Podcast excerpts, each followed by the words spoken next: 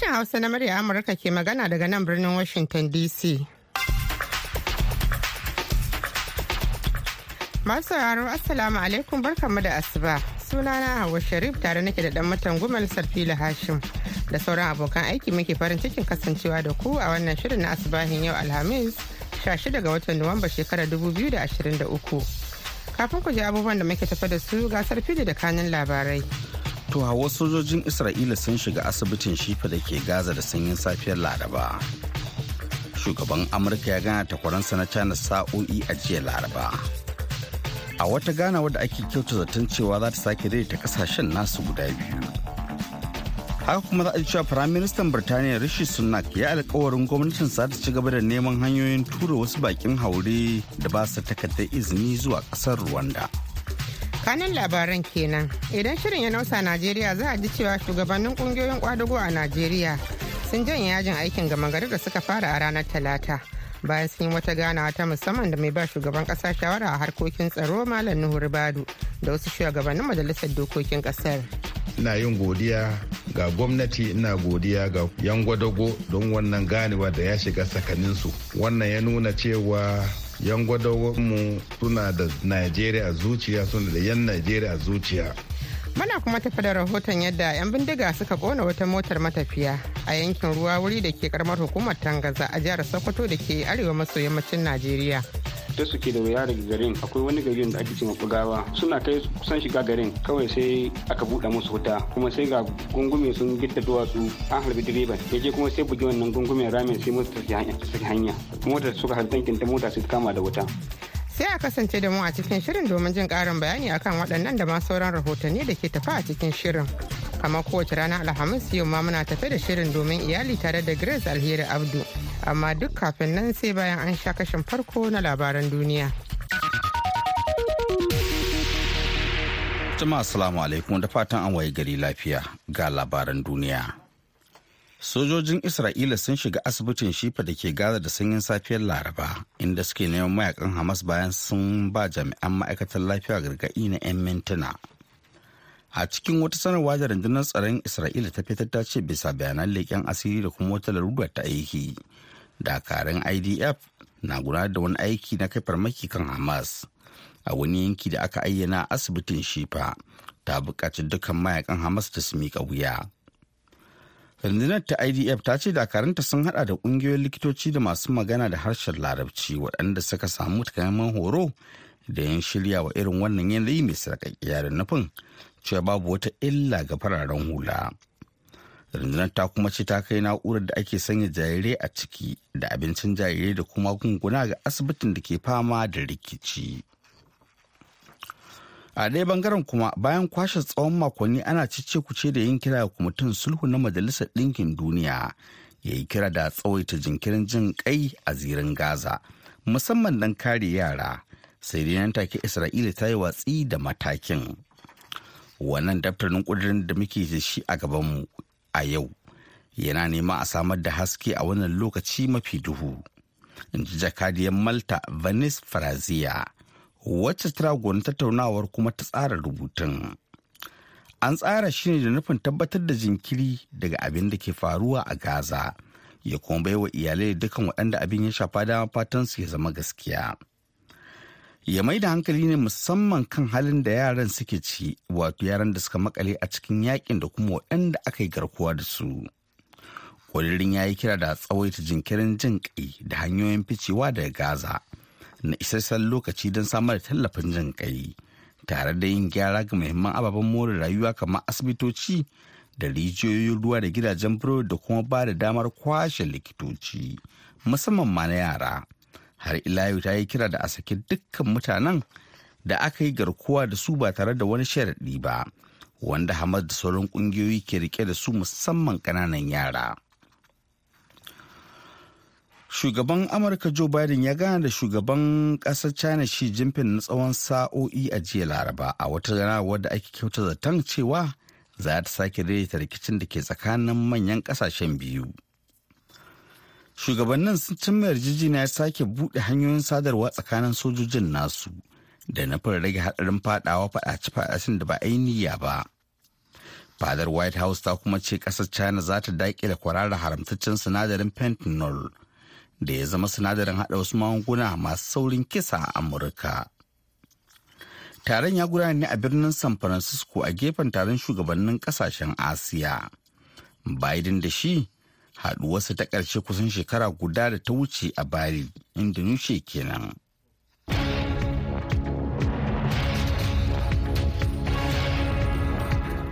An jima kaɗan sarfili zai sake shigowa da ci gaban labaran duniya. Kafin nan yanzu bari mu shiga birnin Abuja babban birnin Najeriya inda wakilar sashen Hausa na murya Amurka Madina Dauda ta ruwaito cewa shugabannin ƙungiyoyin kwadago a Najeriya sun janye yajin aikin gama gari da suka fara a ranar Talata bayan sun yi wata ganawa ta musamman da mai ba shugaban kasa shawara akan harkokin tsaro Malam Nuhu Ribadu da wasu shugabannin majalisar dokokin ƙasar kamar da yadda za ku ji a cikin wannan rahoton da ta aiko mana.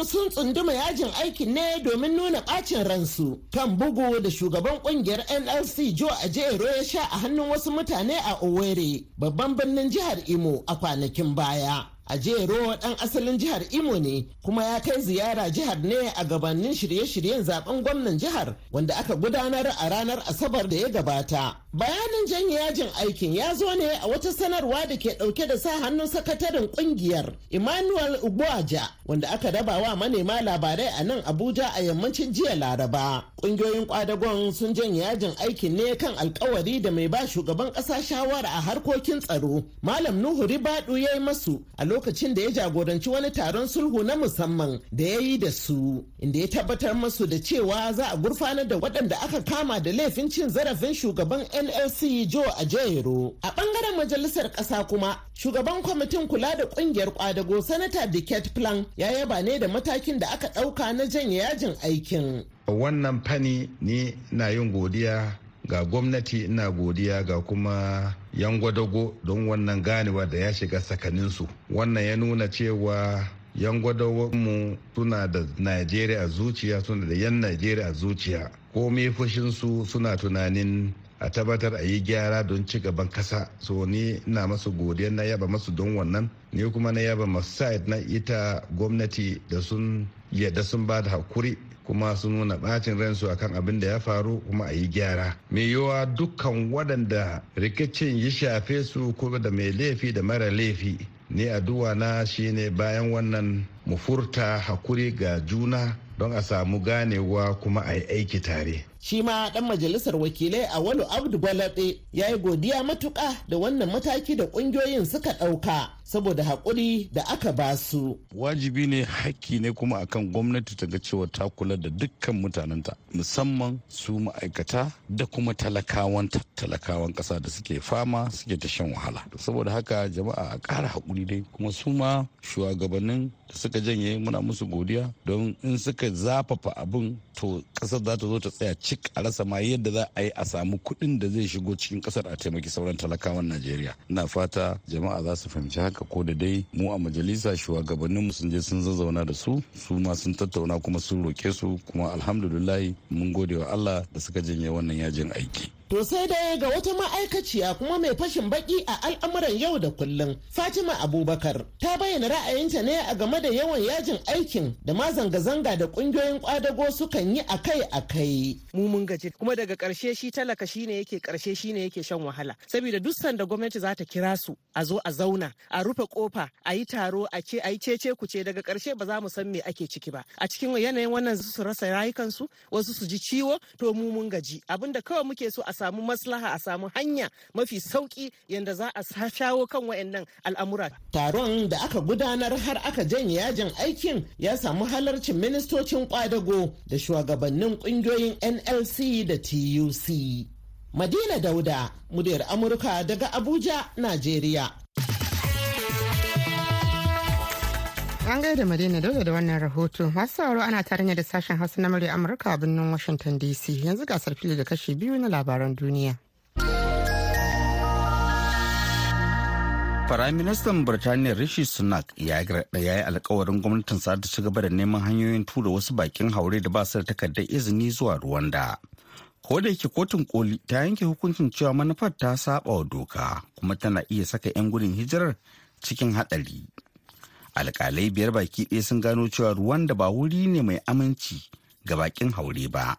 Sun rubuta cikin hukuncin da suka yanke cewa masu neman mafaka da aka tura zuwa ƙasar ta gabashin afirka za su kasance cikin hatsarin fuskantar musgunawa.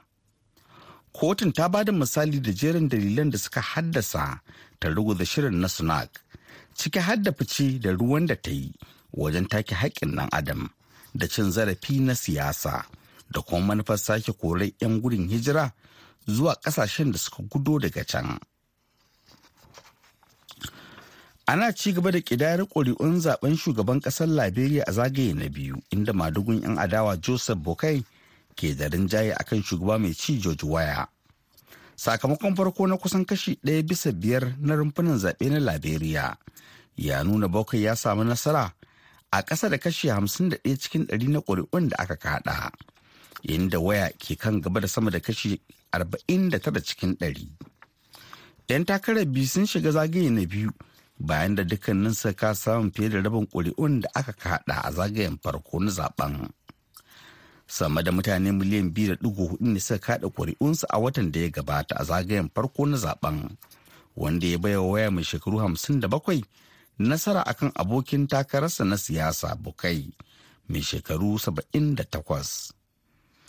Waya fitaccen ɗan wasan ƙwallon ƙafa ya yi kira ga matasa masu kada ƙuri'a amma dole sai ya kare tarihinsa tun lokacin da yake shugabancin ƙasa ya doke tsohon mataimakin shugaban ƙasa bokai a zaɓen 2017 inda ya samu sama da kashi 61 cikin 100 na kuri'un da aka kada.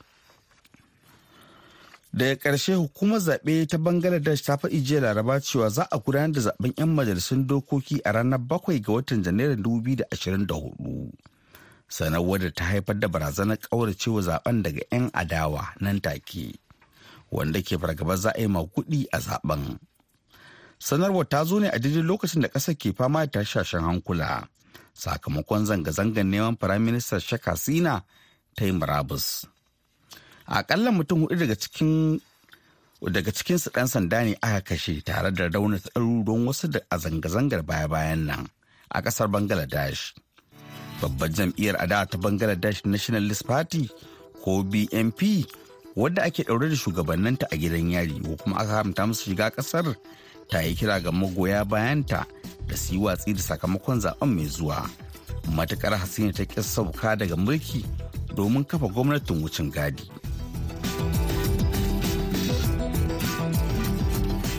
To madalla an gaida sarfila shingumar da ya karanto labaran duniya daga nan sashen Hausa na murya Amurka a birnin Washington DC.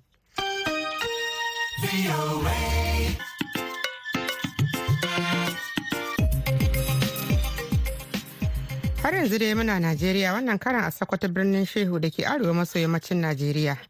Inda 'yan bindiga suka kona motar matafiya a yankin ruwa wuri na karamar hukumar Tangaza a jihar Sokoton da ke arewa maso yammacin na najeriya. Har mutane uku suka ƙone kurmus. Tamkar da ta taba faruwa a watan disambar shekarar 2021 a karamar hukumar isa duk a jihar ta sokoto.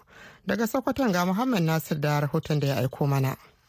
Yunkurin gwamnonin jihohin arewa maso yamma na samar da rundunonin tsaro don kare yankin na ci gaba da gudana domin a jihar sokoto.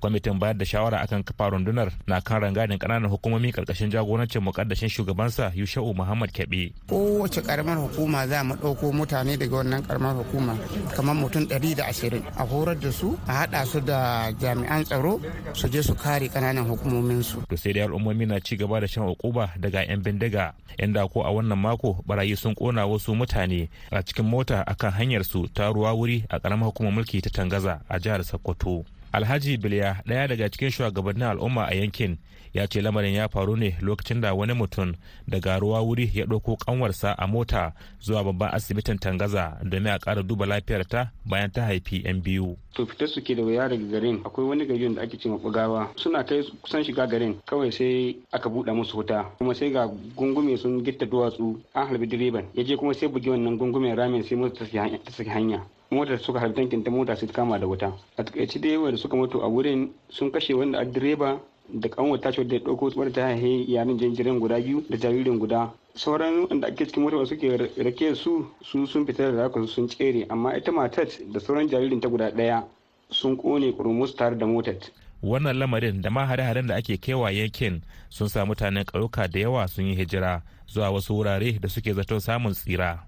Bayan sun gama wani ta'addancin na bugawa inda sun kashe mutanen bawuri sun je garin alela wanda wani gari ne wanda a can suka tangaza. Suka je kuma suka kai hari suka kwashi mata suka kwashi ƙananan yara suka tare su cikin jeji suka kwashi dabbobin su sannan kuma da samtin kuma cikin daren kuma suka sake dawowa na alkasun kuma dai kusan garin ruwa wurin ita ma. Sun zo sun kashe mutum huɗu sun harbe mutum huɗu suna asibiti yanzu haka. Ni kaina na je garin na duba na ga irin abubuwan da an kai sannan sun kwashi mutum goma sha takwas har da ƙaramin yaro jinjiri sun tai da shi shi an na cikin goma sha takwas. na yi ƙoƙarin jan bakin rundunar 'yan sandan najeriya akan wannan batun sai dai abin ya ci tura a jihar kebe ma da ke makwabtaka da jihar ta sokoto sakataren yada labarai na gwamnan jihar ahmad idris a wannan mako ya fitar da wani bayani na cewa 'yan banga sun hallaka barayi huɗu a ƙauyen dan umaru da ke karamar mulkin dankowa sago akan haka ne tuntuɓi wani mazaunin garin abubakar dan asabe domin jin yanayin da ake ciki a halin yanzu a ƙauyen inda ya suma da gaya min yadda abin ya faru. Shine dai matasan nan suka kwanta masu sai gashi allah ya ba wa sa su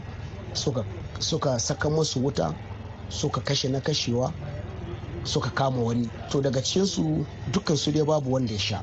Da sai dai bayan hallaka barayin wasu mahara sun yi yunkurin shiga garin wataƙila domin ɗaukar fansa. sun fito matasa suka azama. Saboda yanzu matasa sun koma kawo sojojin doli aka fita aka je aka kwakwanta yanzu magana nake maka ma na to ranar mondi akwai wanda ba su dawo gida ba. Suna nan bakin daji suna can daji kwakwance sai dai a kwatance idan mutum inda yake a je a kai masa abinci. Abu ya ɓaci. mutanen yankunan da ke fama da matsalolin rashin tsaro na jaddada yin kira ga hukumomi akan ƙara kawo musu ɗauki. Duk da yake sun ce gwamnatoci na kan ƙoƙarin su na samar da tsaro amma akwai buƙatar a ƙara. Muhammad Nasir muryar Amurka daga Sokoto a Najeriya. An gaida Muhammad Nasir masu sauraro da a shafa'a ana sauraron shirin ne daga nan birnin Washington DC a kan mitoci 1625 da kuma 31. A jamhuriyar Nijar za a iya sauraron tashar mata VOA Africa a kan mita 200.5. Baya ga haka duk sadda ake so za a iya zuwa shafukan mana intanet a voahausa.com ko kuma sashen hausa.com. Yanzu sai a gyara zama a saurari shirinmu na gaba. Ya Allah ya Allah na roƙa. Allah ni kai ne na roƙa baro ki ka ka hoyi ba. Ku jama'a tambaya ni ke da. Ku jama'a tambaya ni ke da. Masu saurari Assalamu alaikum barkamu da asuba barkamu kuma da sake saduwa da kuwa wani sabon shirin domin iyali alheri Grace Abdu ke muku fata alheri da kuma fata iyali na lafiya. Idan kuna biye da mu makon da ya gabata shirin domin iyali ya fara nazarin tsarin auren gata da gwamnatin jihar Kano ke gudanarwa da nufin taimakawa marasa galihu muka kuma gayyaci masu ruwa da tsaki da suka hada da ango Miko Ma'azu Umar. da amarya hawa'u shu'aibu abdulmumuni da lauya amina aliyu umar sai kuma dr khadija sagir suleiman mataimakiyar kwamandan hizba domin nazarin tasirin wannan tsarin da kuma darasin da za a iya koya. Wakilin mubaraka bashir ta tambayi ango miko abin da yake jin ana faɗa musamman akan zaurawa waɗanda ba su da aure ko kuma dalilin da ya sa waɗansu mazan suke jan kafa wajen auren zaurawan. Sai ya bayyana cewa kuna zaune a cikin damuwa idan ka ce ma wai kai za ka ƙara aure sai a riƙa cewa tab ai mijin hajiya kaza kaza wani ba za a bar ka kai ba wani kaza kaza kaza kaza abin da bai kamata a faɗa ba shi ake faɗa da yawa yanzu nan da muka yi magana cewa ai na ma na samu wata zan ƙara da ita. Ya ke cewa kai namiji jan gwarzo namiji jan gwarzo. Ai mu ba za mu yi abaja ta binne wani kankare. Saboda haka da yawa irin wani abubuwan suna faruwa a majalisu da sauransu. Wani ce kai alhamdulillah. Wani ce kana nufin tsoro ne yake sa mazan su ƙara auren? Wasu ba. Wasu tsoro na hana shi amma wasu kuma ba tsoro ne ke hana shi ba. Akwai taimako. Shi aure taimako ne. Da taimakawa. Yanzu kamar misali ni da aka ce na yi yanzu. Na yi ƙoƙari akan hakan kuma na taimaka mata kuma tana da marayu kuma na rungume su na ci gaba ɗaya mutum zauna tare da su. Da yaran na ka amince amince za mu zauna tare da su. Yaran guda nawa ne? Domin Allah ta'ala shi ke ce da bawansa. Ko ya shi abincin alkarga aka yi shi ko ka ci ko baka ci ba ya mutu. To ka dan ka taimaki wani kuma Allah zai taimake ka. Ya amma dai malamai suna cewa ya kamata dai da sana'a. Tunda malam bahaushe yakan ce kowane da amma dai ai a ilmantan an ce dai dole dai da sana'a ko? Akwai sana'a alhamdulillah. Akwai. Akwai sana'a sosai. To malama ku kuke ganin waɗannan matsaloli? Akwai wani lokaci da na zo sai na tar da wata bazawara ta zo take cewa tana da matsaloli irin ko kukan samu matsaloli kamar na zawarawa da ake yunkurin a ci zarafin su ko a musu fyaɗe ko wani abu dalilin rashi? To ai malama ba ma a kai ga wai sai an yi fyaɗe ba. Yau da halin da aka shiga a ciki da halin da muke ciki na tashin hankali na rashin ci da sha. Da yawa mata suna afkawa a harkar zinace-zinace sawa'un 'yan mata sawa'un a zawarawa saboda rashi. Ba don fitina ba ba don ko a ce ba su samu tarbiyya ba wani bin bayan da za su duk da akwai rashin tarbiyya. Tunda in aka ce talauci idan an ce an samu kyakkyawan orientation na tarbiyya da tsoron allah da halin da ake cikin ba za a yi zina ba. To amma yau ta sa ana fadawa haka. Zaka ga bazaura a gida ta zo ta zauna da yara mijin ya batta babu kula da yaran nan nasa. Shi ma in ka bibiya zai ce ba shi da shi. Zaka ga ba mai bata sabulun wanka ba mai bata sabulun wanki. Ga yara za su je makaranta. Dan abincin da za ta ci na kirki babu. Watakila sai abincin rana da na dare za a iya bata a gidansu. Breakfast ita za ta nema ta wa yaran nan. To idan aka yi rashin sa'a yarinyar ba ta yi karatu ba ta da wata madafa ta aiki sai ki ga cewa ta je ta yi saban Allah don a bata dan wani kuɗi ta yi ta yi wannan amu ko kuma 'yan matan ma ana samun haka. Za ka ga mutum yana da 'yan mata irin a san da aka haife su mai bi kwani ka uwa ta yi. Ga 'yan mata wannan na bin wannan wannan wannan tana ss1 wannan 2 wannan 3 gida ma makaranta a jingine daga ba a ci qualifying ba an tsaya. Wata ma ba a kai ga wannan limit din ba. Bayan da zai yi uban ya iya satisfaction ɗinsu ko kuma ɗaukar responsibilities ɗinsu na abin da yake yau da gobe. To sai kiga wannan masifar ta sa waɗannan 'yan mata sun fara yawon talla. Uwarsu ƙarshe ta ce ta kuje ku nemo na kanku mana. Ku tara kanku abin duniya. Ko kuma a'a mijin ya fito ma ba abin da za a yi musu kayan ɗaki. Kwarai kam akwai wannan abu. Wasu kuma aka ga cewa a zaman da suke musamman su zawarawa idan irin sun kama haya gida ko zaman kansu ko wani abu irin kamar yadda muka samu din yadda kike faɗa za ka ga ita ita na complain tana da marayu ne. Wani ta je a taimaka mata ko ina sai an nuna sai ta an yi fasikanci. To duk kusan dai the same thing din haka yake akan sami irin wannan abin da malama ta faɗa. Dan yawanci zaki ga abin da yake jefa matan cikin wannan harkar zinace-zinacen. Zaki ga yawanci mazan ne suke ƙoƙarin taking advantage a kansu. Zaki ga ta tafi nema walau taimako walau auki walau wani abu. Ba ta da wani abu misali da za ta bayar a bata aikin. To don haka ana ganin pride ɗinta kawai shine abin da za ta iya bayarwa. Wata zaki ga za ta yi ta bi ta yi ta bi ta yi haƙuri a kan ta yi trading pride din za gara ta bi kowane irin mataki ne ta sha wahala domin ta samu abin da za ta samu. Amma at some point an san cewa mu mata muna da rauni. Wata za ta ga gara kawai in ba da in ci da 'ya'yana in kula da su ko in kula da kaina. Wani talaucin in kina ga sai kana ganin abu ne ma kake sanin cewa is beyond yanda ake imagining ko what suke expressing. Wani talaucin wallahi ya kai talaucin da idan aka ce ta tafi wani ta shiga wani yanayi don kawo iyayenta abinci ko neman makaranta ko wani abu za ki ga kawai kai shiru ka yi addu'a shine naka. Saboda unguwa ana samun masu shi. Maimakon a taimaka ba za a taimaka ba because ai makotanka ne. Kamar yadda annabi ya faɗa dama makota arba'in hagu gabas yamma amma za ki ga da masu shi din ba za a taimaka ba. Sai dai fa idan ta fita a dinga nuna ta ana ce ai wance lalatacciya ce wance ta me kuka yi wa mahaifinta? Wani taimako aka ba su koko ita an mai da ita makaranta an sa ta an samu wanda zai ɗauke mata kuɗin makarantar zuwa da dawowa?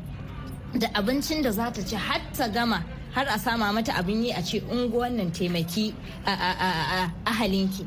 Ba a wannan. Kenan barista kukan sami irin tunda kun saba mu'amala da matan nan kuna jin ƙorafe-ƙorafe nan waɗanne irin ƙorafe-ƙorafe ba ku samu a kotu a ɓangaren mata ko da auratayya? To a ɓangaren auratayya zaki ga gaskiya yawanci ana samun ko domestic violence ne ko kuma rashin nafaka maintenance kenan ko kuma dai irin kamar rashin ciyarwa yawwa yawwa duk irin wa'annan akan same su. Wani lokacin kuma zaki ga uh, sakaci ne daga ɓangaren uh, namijin. Wani lokacin kin san uh, yanda ya zance miki um, mu mutanen arewa muke yawwa yawwa irin wannan sakacin shi zai sa ki ga mutum bai kula da iyalin shi amma kuma za ki gan shi a waje yana bushasha. Sai ki ga gidan shi abinci ne kaɗan. ango. Ka ji dai tuhumar da ake muku an ce kuna yi wa aure rukan sakainan kashi a gida ba kyautatawa a waje kuma sai a gan ku kamalallun mutane. To kin san mutanen ai duka ba tare zama ɗaya ba. Mafi yawa. Mafi yawa. Wani yana kula wasu kuma suna yi gaskiya. Haka amma mafi majority waɗanda ba sa wannan abin sun fi wa gaskiya. To me yake me yake kawo wannan matsala? To ba mamaki a cikin gidan nasa bai jin daɗin rayuwarsa.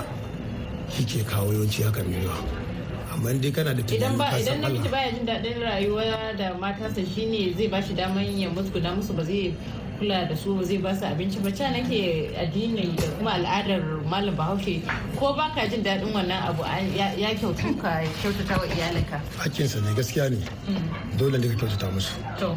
Amma kuma rayuwa idan mutum ke ga yana irin haka ba mamaki akwai matsaloli tare da shi a cikin gidan da dole. Malama shin duk matsalar da za ta faru a cikin gida ya ba namiji dama kai kula da iyalinsa? Bai ba shi dama ba. To mecece matsalar? A gaya mana kai ne namiji a nan. Yawwa gaskiya ne. To ina ganin kamar rashin tunani na ka haka. Mutum bai yi tunani ba sai ji cika cikinsa ɗin kuma ya bi gidansa da yunwa. Malama wannan magana ba- kusan afuwan ango ba rashin tunani ba ne duka rashin tsoron Allah ne. To sai ku tare mu mako mai zuwa domin jin abin da ya sa malama take wannan hangen. Kafin nan a madadin bakin namu ango Miko Ma'azu Umar da amarya Hawwa'u Shu'aibu Abdulmumin da kuma lauya Amina Aliyu Umar sai Dr. Khadija Sagir Suleiman mataimakiyar kwamandan Hizba da wakilin Mubaraka Bashir da ta jagoranci tattaunawa har ma da Dadi Balewa da ya daidaita sautin wannan shirin a madadinsu duka alheri ke cewa ala tabbatar mana da alherinsa. Kai mata su ne duniya, su ne daɗin duniya, mata su ne duniya. To ma'adalla da wannan kuma muka zo ga shirinmu na ƙarshe wato labarai a taƙaice. To a taƙaice sojojin Isra'ila sun shiga asibitin Shifa da ke Gaza da sanyin safiyar Laraba inda suke neman mayaƙan Hamas bayan sun ba jami'an ma'aikatar lafiya gargaɗi na 'yan mintuna kaɗan. A cikin wata sanarwa da rundunar tsaron ta Isra'ila ta fitar ta ce bisa bayanan leƙen asiri da kuma wata lura ta aiki da karen IDF na gudanar da wani aiki na kai farmaki kan Hamas a wani yanki da aka ayyana a cikin asibitin Shifa. Ta buƙaci dukkan mayaƙan hamas da su miƙa wuya. A ɗaya ɓangaren kuma bayan kwashe tsawon makonni ana cice kuce da yin kira kwamitin sulhu na majalisar ɗinkin duniya ya yi kira da a tsawaita jinkirta tsakaita wuta a zirin gaza musamman don kare yara sai dai nan take isra'ila ta yi watsi da wannan mataki. Wannan daftarin kudiri da muke da shi a gabanmu a yau yana neman samar da haske a wannan lokaci mafi duhu. In jakadiyar malta vanessa frazier wacce ta goranci turnawar ta kuma tsara rubutun. Shugaba joe biden ya gana da takwaransa shugaban ƙasar china xi jinping na tsawon sa'o'i a jiya laraba a wata ganawar da ake kyauta zaton cewa za ta sake daidaita rikicin da ke tsakanin manyan ƙasashen biyu. Shugabannin sun cimma yarjejeniyar sake buɗe hanyoyin sadarwa tsakanin sojojin nasu. Da nufin rage haɗarin fadawa fadace-fadacen da ba a yi niyya ba. To masu sauraro baki ɗaya da haka muka kawo ƙarshen shirin na wannan lokacin. Sai kuma an jima idan Allah ya kai mu da hantsi ƙarfe 8 agogon Najeriya Nijar kamar da Chadi wato ƙarfe 7 agogon GMT da Ghana. Za a ji mu ɗauki da wani sabon shirin. Yanzu a madadin dukkan waɗanda suka ba da gudunmawa har shirin ya zo muku kamar da kuka ji shi musamman sarfila hashin da ya taya ni gabatar da shirin. Da wanda ya tsara mana shirin ya kuma ba da umarni da balawe sai injiniyan mu na yanzu El Zubair. Hawa Sharif muku fatan alheri daga nan Washington DC sai an ji ku.